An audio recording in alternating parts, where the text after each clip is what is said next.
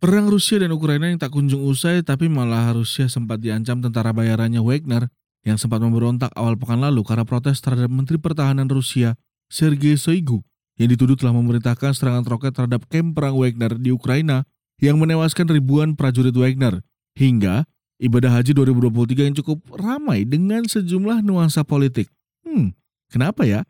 Ini dia cuan alias cerita informasi sepekan edisi tanggal 26 hingga 30 Juni 2023. Cuan. Cari tahu informasi sepekan.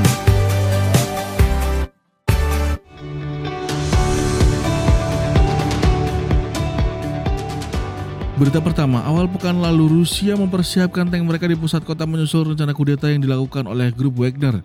Pemimpin kelompok tentara bayaran grup Wagner Yevgeny Prigozhin menyatakan akan membalas dendam Menteri Pertahanan Rusia Sergei Shoigu yang dituduh telah memerintahkan serangan roket terhadap kamp perang Wagner di Ukraina yang menewaskan ribuan prajuritnya. Prigozhin bahkan sempat mengatakan bahwa pasukannya akan menghukum Shoigu dan mengimbau pasukan Rusia untuk tidak melakukan perlawanan sambil mengancam akan menghancurkan siapa pun yang mencoba menghentikan mereka.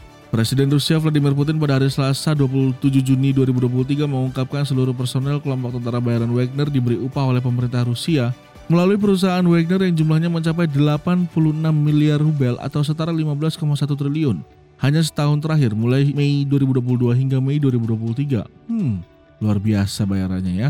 Tidak hanya itu, pemilik Wagner yang juga memiliki perusahaan catering Concord yang memasok seluruh tentara Rusia di medan tempur Ukraina mendapat bayaran 80 miliar rubel atau setara dengan 14 triliun rupiah hanya untuk catering saja untuk jangka waktu yang sama. Dikutip dari laporan RIA Novosto Selasa 27 Juni. Hingga total bayaran pemerintah Rusia bagi kelompok Wagner untuk jasa dan catering mereka selama setahun terakhir mencapai 166 miliar rubel atau hampir 30 triliun rupiah. Wow, jadi ini mungkin jawaban atas pertanyaan-pertanyaan sobat bisnis. Berapa Rusia membayar tentara bayaran? Ya, sampai 30 triliun rupiah jawabannya. Dan usai pemberontakan yang sempat dilakukan pada awal pekan lalu, terbaru pemerintah Rusia meminta seluruh pasukan bayarannya, grup Wagner, termasuk pimpinannya menandatangani kontrak ulang. Permintaan kontrak ulang ini untuk menjaga agar tidak kembali terjadi pemberontakan dari tentara bayaran asal Rusia yang dikenal sadis tersebut. Tapi, menurut pemerintahan Rusia, Yevgeny Prigozhin, sang pemimpin grup Wagner menolak untuk melakukan kontrak ulang. Bagi pemerintahan Rusia sendiri, Prigozhin merupakan seseorang yang penting dan berpengaruh atas semua sikap yang nantinya dilakukan Rusia terhadap grup Wagner. Bahkan pihak Rusia sendiri menilai Prigozhin merupakan seseorang yang sangat mementingkan uang memiliki ambisi yang tinggi dan juga keadaan pikiran yang cepat gelisah yang kemudian hal tersebut menjadi alasan dari grup Wagner bisa memberontak. Kita lanjut ke berita kedua, ibadah haji 2023 kali ini terdapat nuansa politik yang cukup kental ya. Mungkin sobat bisnis setuju karena pemberitaan baru-baru ini menyebutkan sejumlah elit politik dan juga calon presiden yang akan bertarung di 2024 bertemu di Tanah Suci. Mulai dari dua bakal calon presiden Anies Baswedan dan Ganjar Pranowo yang bertemu di sela-sela proses ibadah haji di Mina, Arab Saudi yang saat itu terlihat dalam foto mereka bersama istri masing-masing. Juga ada kepala Bapak Suar Somono Arfa yang terlihat menggunakan ihram atau pakaian yang dikenakan saat jalani ibadah haji. Memang sebenarnya Anies dan Ganjar tak berangkat ibadah haji pada hari yang sama.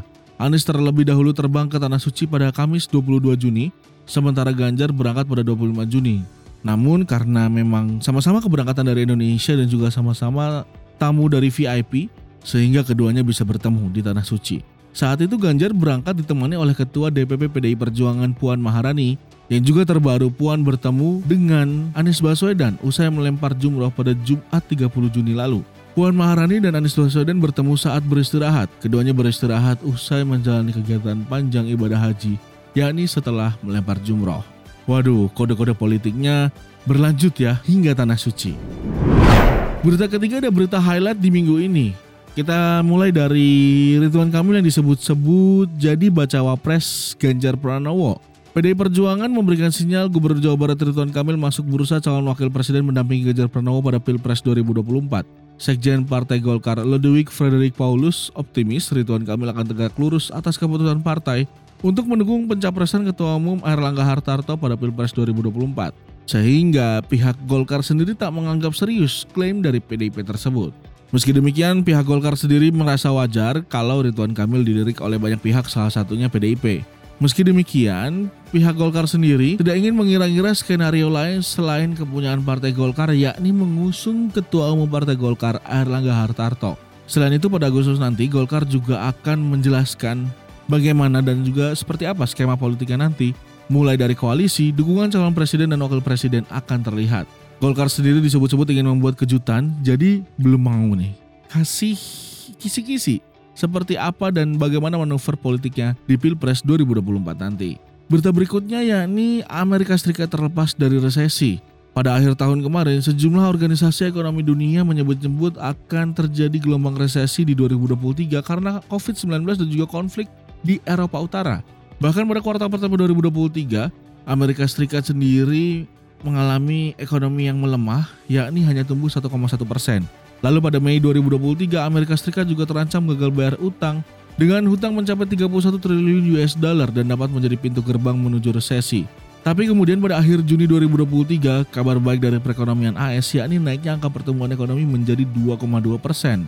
Dan Presiden Amerika Serikat Joe Biden sendiri merasa optimis bahwa resesi tidak akan menghampiri Amerika Serikat.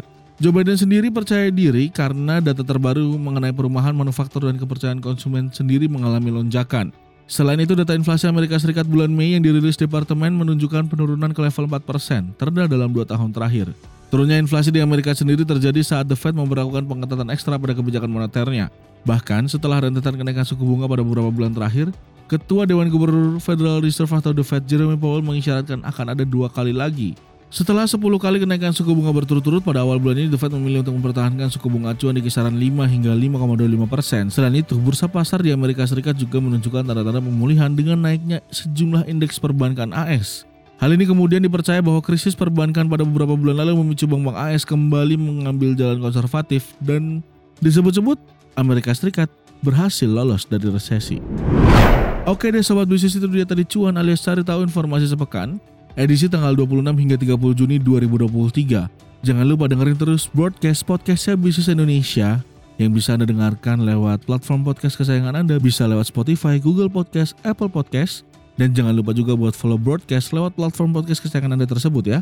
Follow juga Instagram broadcast di @broad.cast untuk dapetin konten-konten menarik. Dan kalau sobat bisnis pengen tonton versi video dari podcast-podcast tersebut, bisa langsung cek YouTube channelnya Bisniscom. Di sana juga ada konten-konten lain dan video-video menarik lainnya. Dan jangan lupa juga buat like, komen, dan juga subscribe YouTube channel Bisniscom. Saya Ganang Adrian, see ya!